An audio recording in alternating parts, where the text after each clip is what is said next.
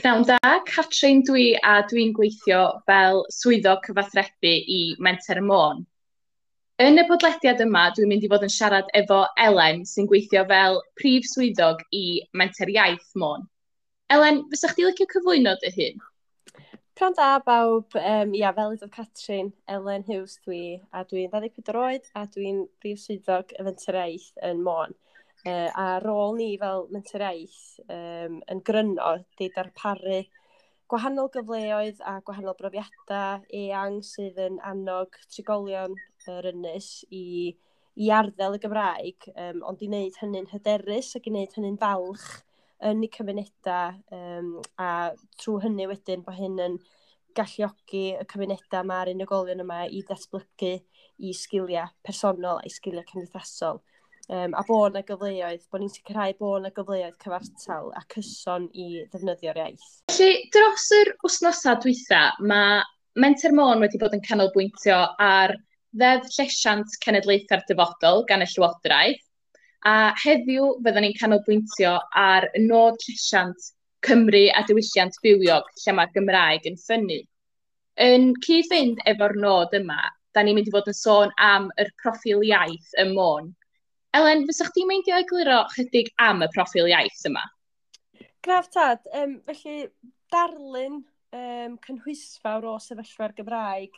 mewn unrhyw ardal ydy unrhyw broffil iaith, ond wrth gwrs um, proffil iaith môn, wel, da ni'n edrych ar ardal môn yn, yn benodol lle. A wedyn, mae yna broffil cyffelyb ar gyfer bob ardal arall yng Nghymru. Um, mae o reit debygol bod yna broffiliau iaith wedi bodoli yn barod, um, yn y gorffennol, wedi cael eu creu ar gwahanol adegau, ond um, llawer hain o hein dwi'n credu wedi cael eu creu yn dilyn y cyfrifiad dwytha nôl yn 2011. A wedyn yn ddiweddar iawn mae pob proffil ym mhob ardal wedi cael ei diweddaru a hynny gan y mentrau iaith. Uh, felly wrth gwrs, ni uh, Menter Iaith Môn oedd yn gyfrifol am ddiweddaru proffil iaith Môn. Wedyn, mi oedd hon yn rôl bwysig i ni fel Menter, Um, wrth gwrs, mi oedd y proffil hun yn werthfawr jyst drwy'r dystiolaeth oedd yn cael ei gasglu.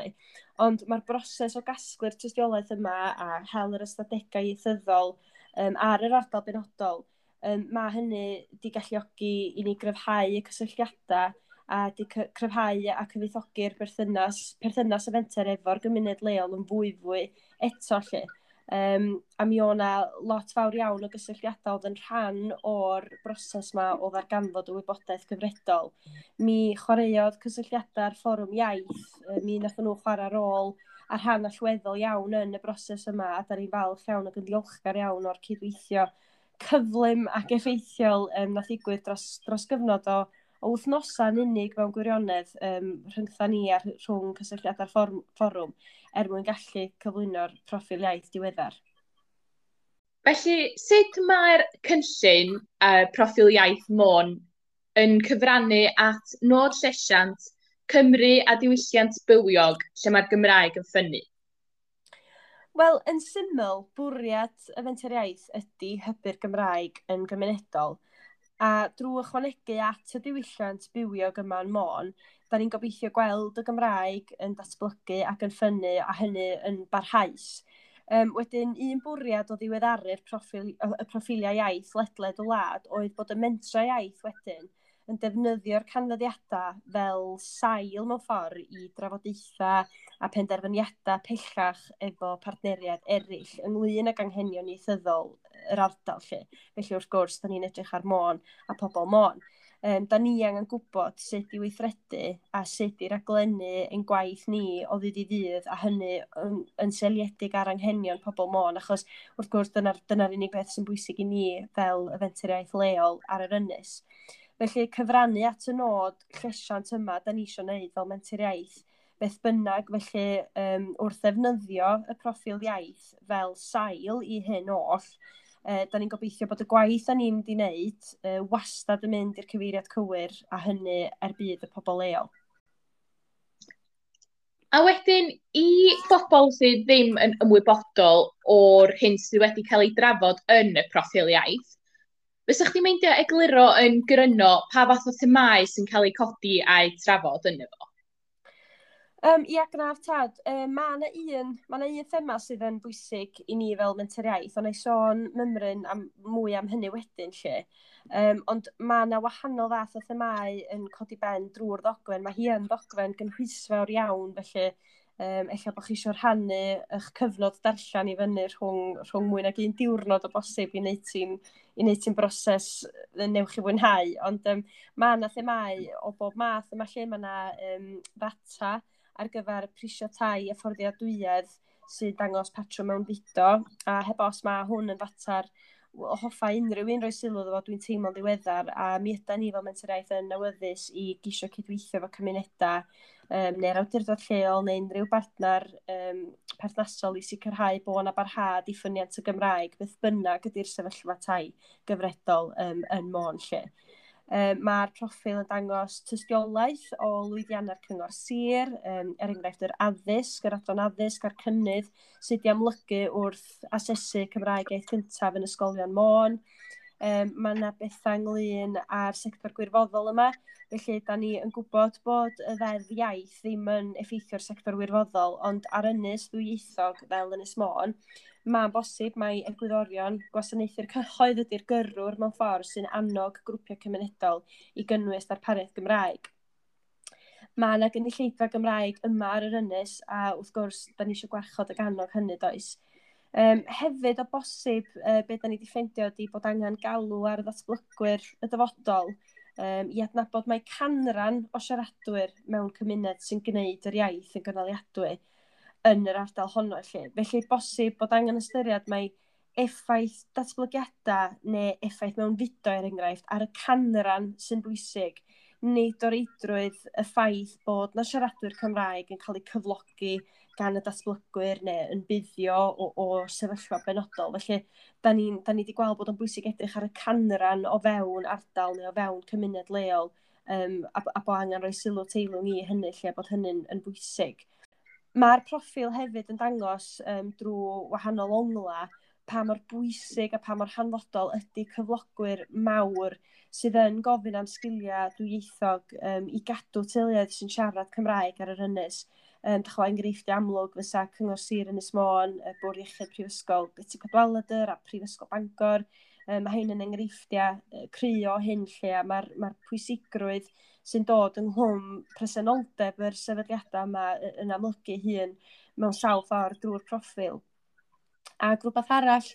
um, sydd yn amlwg mae'n rhaid i gydnabod o y dyddiau yma ydy, ydy Covid-19 wrth gwrs ac o bosib yn gyffredinol, um, un peth oedden ni, oedden ni weld yn y proffil ydy bod ni yn gweld bod yna grwpiau o uh, bobl ifanc angen cefnogaeth grantiau, angen cefnogaeth ar gyfer swyddi, um, er mwyn cynnal cyfleoedd, dych chi'n dim just cyfleoedd gwaith, ond cyfleoedd cymdeithasol hefyd i bobl ifanc y môn. Mae bobl, dwi'n meddwl bod ni gyd, ond yn enwedig pobl ifanc, da ni wedi blino ar ddarpariaethau ar-lein yn gyson. Dych chi'n da ni da ni angen cyfleoedd i gymdeithasu wyneb i wyneb, da ni angen digwyddiadau cymunedol, da ni angen cyfleoedd i godi allan i, i gymysgu, achos boda dynol yda ni, da ni'n gwneud hynny'n da, a mae'n bwysig bod ni fel mentor iaith yn cefnogi hyn, um, a mae'n bwysig bod ni'n cydweithio efo partneriaeth perthnasol i gynnig y gwasanaethau priodol yma sydd ei angen ar bobl. Dim jyst pobl ifanc, ond da ni'n sôn am bobl hun, plant, um, teuluoedd, da chybod, pw bynnag wela ni mewn cymuned, mae ma angen, yr, ma angen y gefnogaeth yma, na ni gyd rwan yn, yn dilyn y cyfnod, cyfnod y pandemig yma. Gret, diolch am hynna. Dwi'n meddwl bod hynna wedi rhoi um, eglurhad da iawn o be ydy'r proffil iaith mewn ffordd gryno. A wedyn, sut mae'r proffil iaith yma yn mynd ati i weithio er bydd pobl yn Ismôn? Wel, wrth fynd ati i ddiweddaru'r proffil iaith, mi ddath o yn amlwg mae nid proffil fenter iaith ydy hwn. Mae yn broffil iaith cyhoeddus i, i bobl môn, i sefydliadau môn, i bawb i ddefnyddio. Um, a mae o, mae o wedi cael ei greu yn syml iawn er mwyn deall mwy a dysgu mwy am yr sefyllfa gyfredol a beth sydd angen sylw yng nghyd-destun y Gymraeg ar yr ynys. Um, felly mae o'n, mae on ganllaw da i wybod pwy, lle a be sydd angen blaenoriaeth a be all y gwahanol sefydliadau a'r gwahanol gymunedau a, a pobl yn gyffredinol i wneud i ychwanegu at y diwylliant bywiog yma lle mae'r Gymraeg yn ffynnu mewn ffordd, felly eto mae hwnna'n plethu nôl efo'r derch llesiant yn amlwg. Ond um, nid yn unig, mae hwn yn sail i ni fel mentoriaeth, fel o'n i'n sôn gyna, mi fyddwn ni'n cynllunio um, yn gwaith ni yn syledig ar hwn, ond mi fydd y proffil yma gobeithio o bosib yn barod wedi bod o gymorth yng nghyd-destun awdurdodau lleol yn ei cynlluniau strategol y Gymraeg a strategaethau hybu, uh, awdurdodau cynllunio fel cynlluniau datblygu lleol a cynlluniau datblygu strategol, yr awdurdodau addysg wrth gwrs, uh, partneriaid, grant eraill fydd yn medru adnabod meysydd gwaith a darpariaethau gwahanol, a fframweithiau economaidd rhanbarthol, um, ac wrth gwrs, fel da ni wedi grybwyll y barod, mae o hefyd yn, yn bwydo ac yn cyfrannu at y cynllun llesiant. Gret, a felly yn symud ymlaen at yr cwestiwn ola ac ella'r cwestiwn pwysica. Be ydy prif ffocws yr fenter iaith a'r proffil iaith yn benodol wrth symud ymlaen rwan? Wel, mi fydd y fenter iaith, fel o'n i'n sôn yn gynharach, um, da ni yn y broses o gynllunio um, targedau newydd ar gyfer yr misoedd nesaf, um, mewn trafodaeth efo'r llywodraeth wrth gwrs, a mi fydd hwn yn rhannol yn syledig ar ganfyddiadau'r proffil, a mi fydd na elfen o'r holl themau yn rhan o'r gwaith yma gobeithio. Ond yn benodol, yma yn Môn, mae gynnon ni le i wella yr trosglwyddo iaith sydd yn digwydd ar yr ynys. Mae gennym ni nifer uchel o siaradwyr Cymraeg ar yr ynys, ac felly mae annog a cefnogi'r siaradwyr Cymraeg yma i drosglwyddo'r iaith. Um, o bosib, mae hyn ydy un o'r, un o'r prif bethau fyddwn ni'n ffocysu arno dros y, dros y misoedd nesaf. Um, ac o bosib ella mae werth dadla neu mae werth nodi, dim dadla o bosib, bod hwn yn un o'r ffyrdd mwyaf effeithiol i ni gyfrannu at yr, at yr cam o gyrraedd y miliwn o siaradwyr Cymraeg, achos bod gynnon ni'r siaradwyr yma ar yr ynys, um, da ni angen i hannog nhw i, i ddefnyddio, ond i drosglwyddo'r iaith yn ogystal. Felly mae cyrraedd darpar rieni i drafod trosglwyddo iaith yn bwysig, a wedyn mae Cymraeg i blant yn arbennig mewn sawl ardal, ond da ni'n gwybod bod gynnyn nhw ddim o'r capacity fod yn bob man trwy'r amser. Um, wrth gwrs hefyd mae um, Bwrdd Iechyd Prifysgol Beti Cydwalad yr, um, gyda dwylon hwn llawn, da chwod yn gweithio amgylch Covid ac anodd iawn ydy disgwyl iddyn nhw roi cyngor ieithyddol i ddarpar rieni yn ogystal â bob dim arall maen nhw'n neud dros da ni a'n iechyd lle. Um, ond y gwir ydy, o ganlyniad i'r proffil, da ni yn gweld bod trosglwyddo iaith yn her anfarth ar yr ynys, felly o ystyried bod na wahanol ddarpariaethau ar gael, osa, a, oes a le ni ystyried bod na fwlch yn rwla yn y strategaeth yn fama, lle, ma, lle da ni angen rhoi sylw iddo fo lle. Um, heb ddarpariaeth trochi chwaith, dych chi'n heb ddarpariaeth trochi Cymraeg blynyddoedd cynnar mewn ardal fel Cergybi er enghraifft, mae'n deg darogan dwi'n teimlo y bydd yr anfantais economaidd yma yn parhau. Mae Cergybi yn unigryw yn Gymru um, ar y cyfan mae o'n ardal uniaeth ar ynys ddwyieithog. A wedyn o bosib fod na raglenni trechu sodi cenedlaethol yn creu mwy o fantais yn y pen draw os na ydy'r rhaglenni yma'n prif ffrydio'r Gymraeg yn eu gwasanaethu, yn eu gwasanaethu nhw ac yn paratoi plant rhugl dwyieithog mewn ynys dwyieithog. Achos, dych chi'n bod, da ni'n byw ar ynys lle mae y prif gyflogwyr, um, mae'r prif gyflogwyr yn gofyn am sgiliau dwythog, felly heb baratoi plant sydd yn rhugl dwythog, anodd iawn ydy disgwyl felly i lawer iawn eich o'r plant a'r pobl ifanc yma dilyn gyrfa neu ffeindio gwaith a hynny'n rhwydd lle um, a, mewn ardal fel môn. Um, a dyma, dyma un o'r prif anteision dwi'n dwi, dwi deimlo allwn ni roi i'n plant, bod ni'n sicrhau y dwyieithrwydd yma um, o'r cychwyn cyntaf. Yn fabi neu yn ifanc, meddyn nhw, a dwi'n dwi, dwi credu hyn, ydy'r adag hawsa ac yr adag gorau i rywun gaffael iaith. Um, da ni rwan fel benteraidd ac unrhyw bartner neu gyswllt, rhiant, plentyn, darpariant, da ni eisiau apelio ar holl rieni môn i gynnig y dechrau gorau yma i'w plant yn y cartra wrth siarad, Gymra wrth siarad Cymraeg efo nhw lle. Um, dim ots beth i safon y Gymraeg, mae pob sgwrs naturiol yn y Gymraeg efo'ch plentyn am fod y gymorth iddo fo neu hi yn y dyfodol. Um, ac wrth gwrs mae gen, dach bod, uncles, aunties, neinia, teidia, cynitherod ac hemdryd, mae gen ni gyd rôl i chwarae i sicrhau bod y trosglwyddo mae'n digwydd mewn ffordd naturiol, mewn ffordd mewn ffordd gry, achos mae gynnon ni, mae gynnon ni'r potensial i wneud hyn yn môn, a mae'r ma proffil eith yn, yn dangos hynny, mae'r ma, ma ystadegau reit glir yn dangos hyn.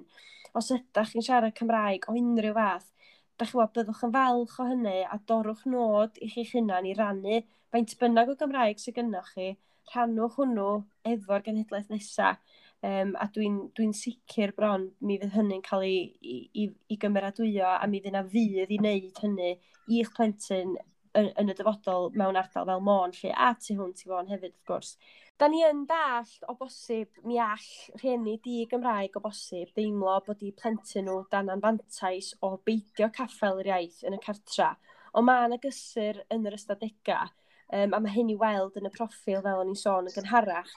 mae bron i 50% o'r plant sy'n dysgu'r iaith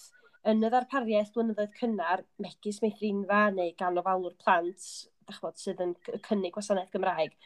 yn dod yn rhugl fel oedolion. Felly, i ddysgu ail iaith lleiafrifol yn dda, fatha'r Gymraeg, mae o gymaint haws os ydy'r plentyn yn derbyn addysg gynnar um, drwy ofalwyr neu ddarpariaeth meithrin sy'n trochi yn y Gymraeg, dych bod, os nad ydy'r rhiant neu'r rhieni neu'r gwarchodwyr yn gwneud hynny hefyd. Lle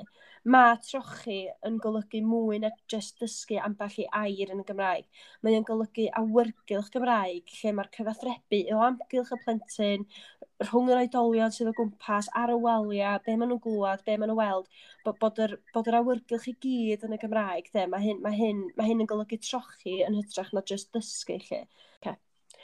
Felly, i ateb y cwestiwn, un bwriad fydd gan Menter Môn dros yr misoedd nesaf yma, ynghyd â Cyngor Sir Ynys Môn a Llywodraeth Cymru wrth gwrs ydy sicrhau bod yna gymaint o blant a phosib yn cael y cyfle i gaffael neu ddysgu'r Gymraeg yn ifanc er mwyn dod yn rhugl ddwythog neu'n amwyieithog fel oedolion. A da ni wrth gwrs yn cynnig gwahanol gyfleoedd sydd yn cefnogi pobl ar hyd i bywydau um, sydd yn cynnig gwaddol i'r cynlluniau yma sydd yn, yn cilchdroi o gwmpas plant a bobl ifanc. A da ni wrthi ar y funud yn cefnogi pobl hun yn ogystal Felly dyna ydy'n bwriad ni, ac os ydych chi am wybod mwy am waith y Fenter Iaith, Mae croeso i chi gysylltu efo ni'n uniongyrchol. Mae gennym ni e-bost cyffredinol iaith at mentermon.com neu mae croeso i chi anfon negas i ni ar unrhyw un o'n cyfryngau cymdeithasol neu Facebook, Twitter neu Instagram. Um, neu wrth gwrs mae gennym ni um, wefan Menteraeth Môn hefyd a um, da ni ar wefan Menter Môn i hun felly. Felly dwi'n croesawu unrhyw un i gysylltu os ydych chi am wybod mwy am y proffil iaith yn gyffredinol neu mwy amdano ni fel menter iaith neu mwy amdano ni a sut allwn ni eich helpu chi efo'r Gymraeg y môn. Gret, diolch yn fawr am egluro chydig am yr nod sesiant, am y proffil iaith. A dwi'n gobeithio bod pobl yn fwy ymwybodol o'r gwaith mae Menter Iaith Môn yn wneud yn gyffredinol. Felly, diolch Elen. Diolch yn fawr.